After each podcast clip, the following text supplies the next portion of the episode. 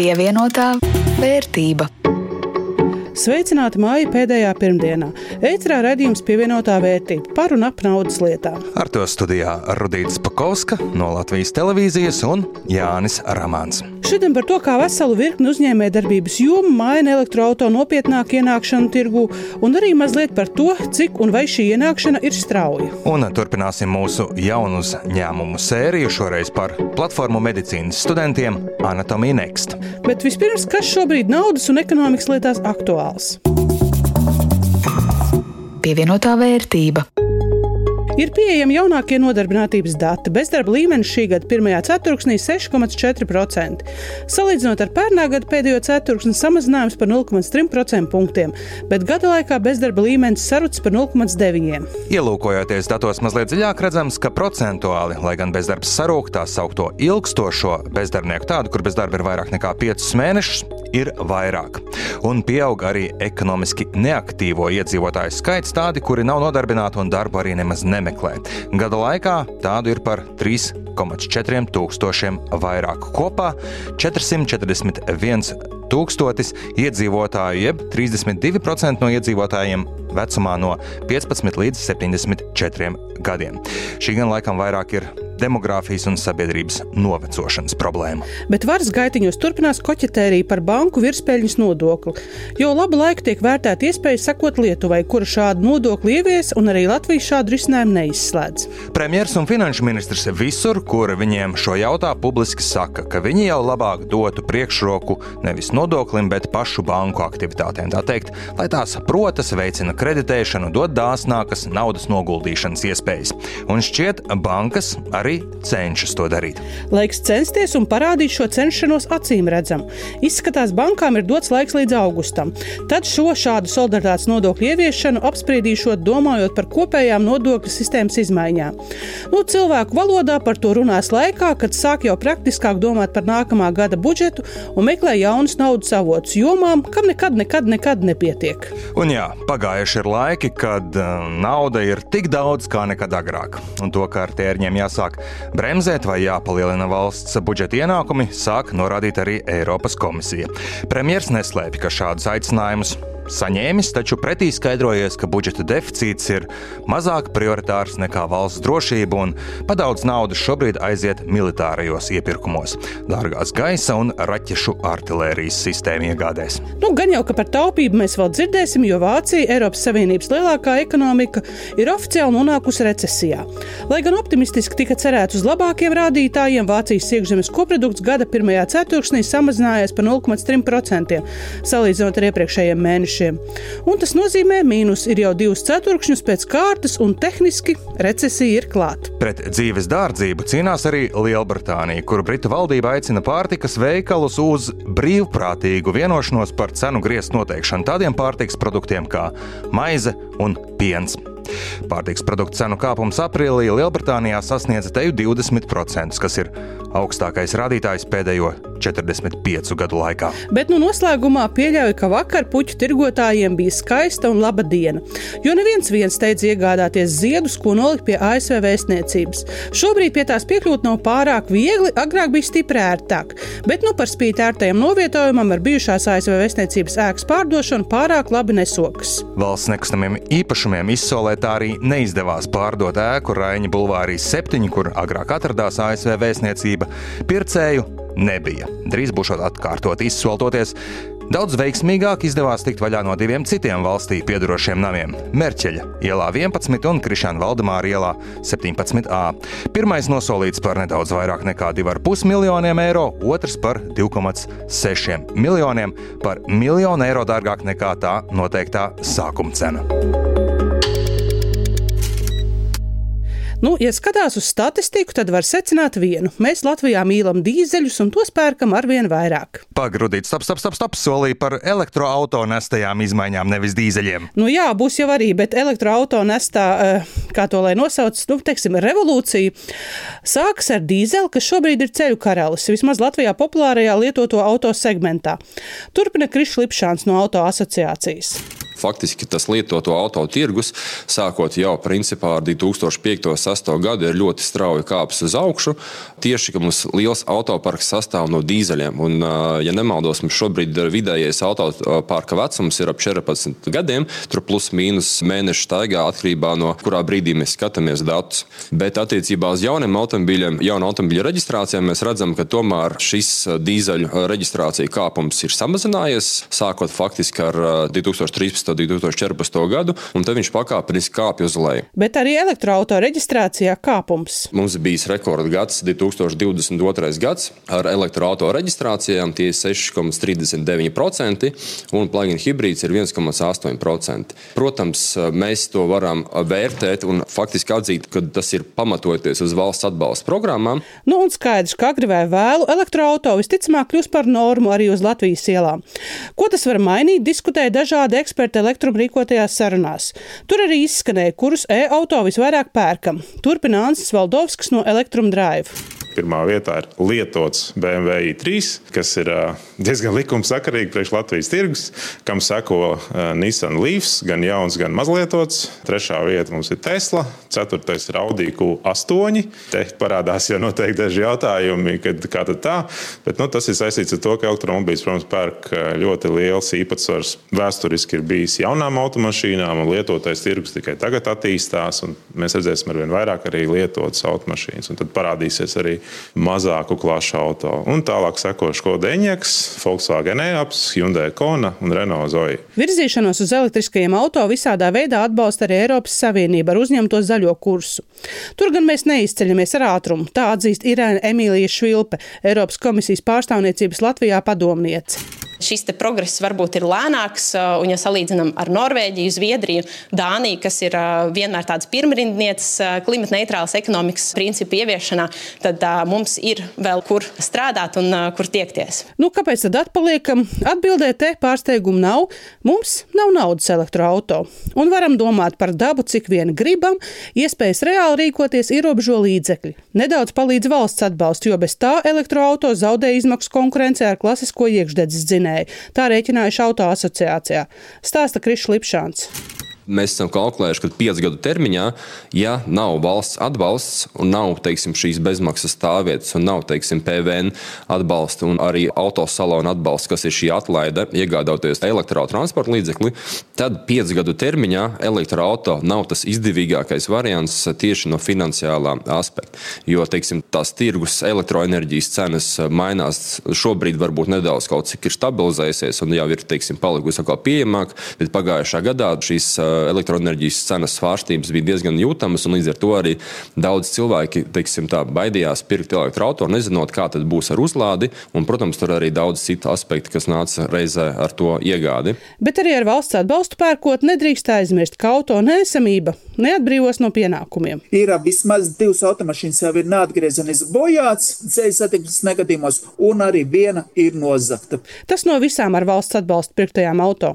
Un kā stāsta Gins Kārkliņš, vidas investīciju projektu pārstāvis, ir vērts padomāt par apdrošināšanu. Jo, ja automašīna tiek nozagta, tad faktiski būs jāatmaksā saņemtais atbalsts proporcionāli nenobrauktiem kilometru skaitam, ja netiks aizstāta mašīna ar citu elektromobīlu. Atgriežoties pie tā, ko var un ko nevar atļauties cilvēki Latvijā, Lipšāns no auto asociācijas piesauc arī banku kreditēšanas politiku. Ļauj minēt, vecā dziesma vajag vairāk kreditēt, līdzīgi kā saka pilnīgi visi pēdējā laikā, vai ne? Nu, bet, protams, bankām kredītus nedodot, cilvēki dodas pie nebanku kreditētājiem un beigās samaksā, nu, ja ne vairāk, tad nu vismaz tikpat ņemot lietotu transporta līdzekli nebanku kreditētāju gadījumā, šīs mēneša maksas apmērs ir krietni lielāks nekā ņemtu, pieņemsim, bankas līzingā jaunu transporta līdzekli. Kāpēc? Tāpēc, ka ir ļoti sadārdzināti šo nebanku kreditētāju procenti, un beigās faktiski šis uh, cilvēks, kas nopērk uh, teiksim, lietotu automašīnu, tad uh, attiecīgi viņš ir pārmaksājis gan arī dubultā šīs mašīnas vērtību.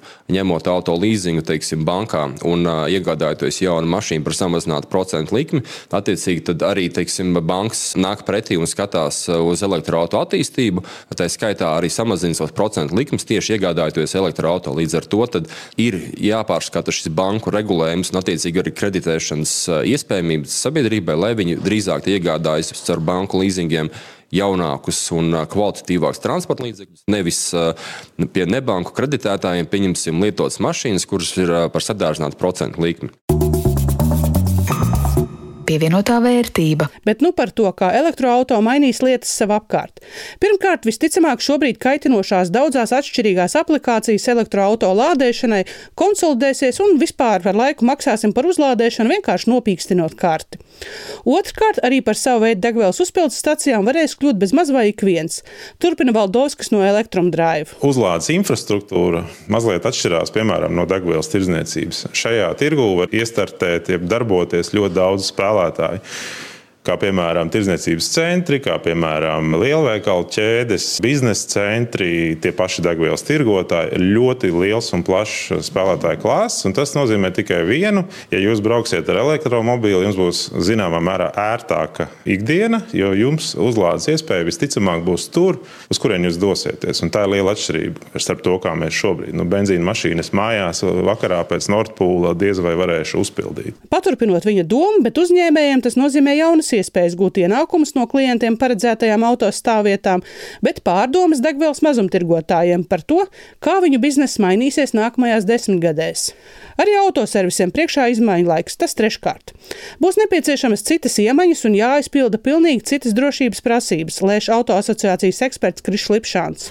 Ja mēs runājam par autoservisu, tēmu, tad uh, visi ir pieraduši pie tā, ka ir mašīnas, var aizbraukt uz jebkuru servisu, diagnosticēt, salabot un aizbraukt. Ar elektroautorātu tomēr tas ir nedaudz savādāk, jo elektroautorāts ir uh, saistīts ar augstiem bīstamības riskiem, līdz ar to, kurš katrs īsti nevar ķerties klāt elektroautorātu un to remontēt. Un, uh, līdz ar to šī elektroautorāta servisi, teiksim, dealer servisi, viņiem faktiski šīs elektroautorāta remonts iedalās trīs kategorijās. Uh, proti, pirmā ir, kad uh, var pieņemt šo auto servisā un diagnosticēt certificēt. Otrais līmenis ir, ka faktiski servisa meistars var remontēt elektroautorātu, bet neaizstīt bateriju. Un trešais līmenis ir, kad uh, servisa meistars jau var remontēt, arī, respektīvi, vai nu demontēt, un arī remontēt elektroautorātu bateriju. Un arī palīdzot negadījumā cietušam elektroautorātam, vajadzēs pilnīgi citu iemaņu komplektu. Tas ieķer arī teiksim, auto evakuācijas jautājums. Kas notiek, ja tiek būtiski deformēts elektroautorāts ceļa, kā tad viņš tiks evakuēts, vai ir nostrādājuši drošības vārstu un citas drošības sistēmas, pieņemsim, kas attiecas attiecīgi tad, novērstu kaut kādas negatīvas sekas. Varbūt tas kādā situ, dzīves situācijā nenostrādā. Līdz ar to ir jābūt sabiedrības un arī atbilstošo personu, kurš strādā ar elektroautorātu izpratnē par to tā bīstamību, un kuram katram bez īpašām zināšanām tam klāt gan nevajadzētu ķerties pievienotā vērtība. Bet nu laiks stāstam par kādu Latvijas jaunu uzņēmumu. Šodien stāsts par jaunu uzņēmumu, kuru par dikti jaunu nenosauks, bet par mērķiecīgiem cilvēkiem gan. Tie, kas ir saistīti ar medicīnu un tās apgūšanu, iespējams jau būs dzirdējuši, varbūt pat lietojuši Latvijā radītu mācību platformu Anatomija Next, un vairāk par to pastāstīs tās idejas autors. Esmu Reinis Jansons, esmu pēc izglītības ārsts, praktizējošs LORS, galvas kakla ķirurgs. Un paralēli kopš studiju laika darbojos tādā jaunā uzņēmumā, kas saucās Anatomy Next, kas ir uzņēmums, kas nodarbojas ar anatomijas izglītības uzlabošanu, mainīšanu, efektivitātes uzlabošanu un galvenokārt nodarbojas ar informācijas dizainu. Respektīvi, kad es vēl biju students, es mācījos anatomiju, diezgan ātri sapratu, ka šausmīgi foršs priekšmets, lai gan sākumā man nepatika, bet ka baigi forši, bet varētu noteikti būtu efektīvāki veidi, kā mācīties, jo tie materiāli, kas bija, bija vai nu kaut kas schematisks, vai arī mūsu gadījumā īsti bioloģiski materiāli, respektīvi līķi, nebija īsti pieejami, vai bija pieejami jau diezgan nolietoti, kurā tas puse no struktūrām bija jāiztēlojas. Un tad es nejauši satiku cilvēkus, Uldi Zariņu, kurš ir uzņēmuma direktors, tajā laikā arī Sani Konrādu, kurš šobrīd vada citu uzņēmumu, pievienojos, lai taisītu kaut ko jaunu priekš izglītības. Uldis pats pēc izglītības bija telnieks ir joprojām telnieks, kurš ļoti, ļoti interesējās padziļināt par cilvēku anatomiju tajā kontekstā ar mākslu, kā tas veido formas. Un tā mēs sākām raudzēties un sapratām, ka dažas no viņa metodēm, no tas, ko viņš ir iemācījies mākslā, kā pasniegt informāciju, baigi labi darētu, lai arī attīstītu un uzlabotu izglītību anatomijā. Nu, lūk, tā mēs nu, jau septiņus gadus ar to strādāju, ar dažādiem kalniem, augšām un lejā, daudz reizes tuvāk nāves ielai.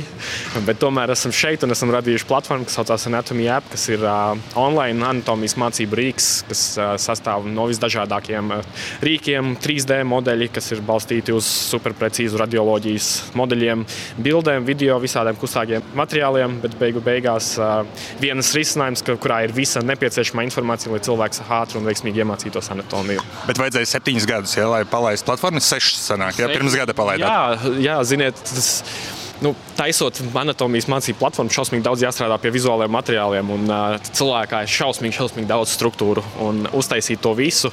Tā tehnoloģija varbūt jau bija gatava ilgāku laiku atpakaļ, bet vienkārši saturs mēs viņu taisām. Mēs joprojām neesam pabeiguši visu saturu. Lai gan nu, teorētiski jau viss ir no visa ķermeņa, bet tur varētu taisīt vēl un vēl un vēl. Un vēl.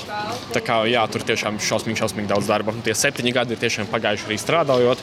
Nu, varbūt pēdējais gads, pusotrs gads ir bijis tāds, kurā ir mazāk bijis jau satura izstrāde, kā vairāk jau tīri biznesa attīstīšana. Parunājam par to biznesa pusi. Kurā brīdī sapratāt, ka tas var būt bizness un ko tas nozīmē? Nozīmē. Tev kā droši vien tu neesi biznesa cilvēks, tu vairāk esi ārsts pats vai ne?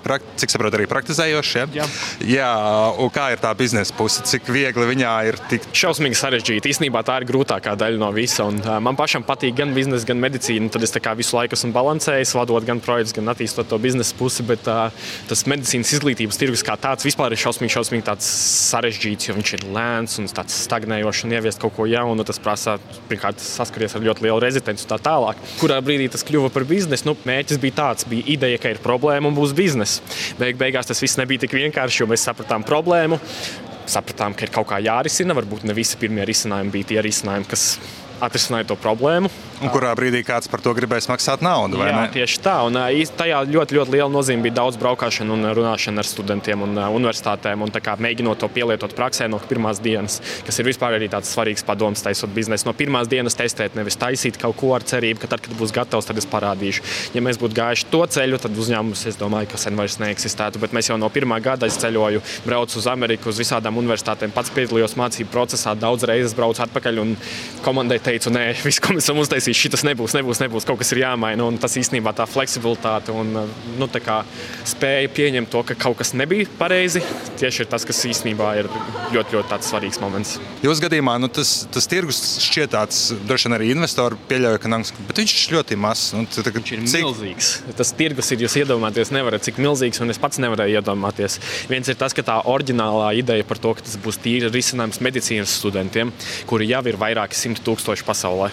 Tad tie ir zobārstniecības studenti, kas būtu arī ok. Mēs to pieņēmām, ka tāda varētu būt, bet tad ir vēl un vēl ir daudz mazāk ir medicīnas un zobārstniecības studenti, kā uh, medicīnas māsu studenti, fizioterapeitu studenti, tagad, teiksim, uh, osteopātu skolas un daudz visādi tirgi, kuros mēs vispār nebijām iedomājušies. Un uh, vēl viens no tādiem tirgus nišām, kuru mēs šobrīd esam identificējuši un jau diezgan veiksmīgos vairākos gadījumos, ir piemēram anatomijas izglītība priekš tāda tirgu kā estētiskās medicīnas tirgus, kur šobrīd ļoti, ļoti attī, aktīvi. Plastiskā plastiskā ķirurģija, ja? Ne gluži plastiskā ķirurģija, arī tas ir saistīts ar plastisko ķirurģiju, bet tagad ļoti daudz modē ir botoks un filleru špricēšana, un tas tirgus vienkārši aug. Viņā nav daudz labu risinājumu, kas vizualizētu to. Tā izglītība aug, bet vizualizācijas netiek līdzi. Un kaut kā mēs kopā ar uh, Ulu Zariņu, tēlnieku, kurš ļoti labi māca parādīt lietas estētiski, notrāpījām tajā tirgu, ka tas ir vēl viens milzīgs tirgus bez tā visa. Tā kā ir daudz vairāk vietas, kuras mēs pat nevaram visas aptvert. Bet kas notiek kapitāla tirgos? Globāli tirgu optimisms, akciju cenas kāpj, augot cerībām, ka ASV abām partijām izdosies vienoties par budžetu. Bet Baltijā varam teikt, Igauniem neveicas. Tur vienīgais kritums turklāt aizvadītās nedēļas laikā par 1,03%. Lielākais kāpums Rīgā tur 0,34% plusā, Viļņā kāpums varētu teikt pat tikai formāls pieaugums par 0,02%. Bet tomēr plusā un tirgus tendences rāda arī tirgotākie Baltijas biržas uzņēmumi. Līderis pēc apgrozījuma - Igaunijas enerģijas uzņēmums Enefit Green, tur gan akciju cenai 2,27% kritums. Kādi, ka viņi arī manā portfelī. Otrajā vietā Leišu energomilzis Ignitis grupa, tam kāpums par 0,73%. Trešajā vietā Igaunijas banka LHV grupa, kuru akcijām arī kritums par 0,29%. Nu, un ja par to, kā klājas mūsu portfeļiem, tad man piederošo akciju vērtība aizvien aizvadītās nedēļas laikā samazinājusies par kādiem diviem eiro, bet esmu saņēmusi dividendes gan no aprangas, gan Telija Lietuva, gan Grigeo. Un kopā portfels ir vairāk kā par 6 eiro lielāks, un kopā ar neiztērēto man ieguldītie 300 eiro šobrīd ir 470 eiro un 33 centu vērti. Kā tad tev klājies? Man, lai gan arī mazliet dividendes no Hārju elektra, tādas pieticīgas 25 centi, kopējās portfeļa vērtības kritums aizdītajā nedēļā par 4 eiro mīnusā, un kopējā vērtība 460 eiro 93 centi, un tas laikam nozīmē, ka mums ir līdera maiņa. Dāsnas tev tās dividendes rudīt bijušas. Nu, man prieks dzirdēt, ka ir atjaunojusies taisnība un es esmu līderu pozīcijā. Vismaz pagaidām. Ar to arī izskan šīs nedēļas raidījums pievienotā vērtība. To jums veidoja Jānis Ramāns un Rudīts Pakauska no Latvijas televīzijas. Par skaņu rūpējās Renārs Šteimanis. Atgādinu, ka šo un iepriekšējos raidījumus var dzirdēt ne tikai radio ēterā, bet arī jūsu iecienītākajās raidierakstu straumēšanas vietnēs un arī Latvijas radio mobilajā aplikācijā. Uz tikšanos!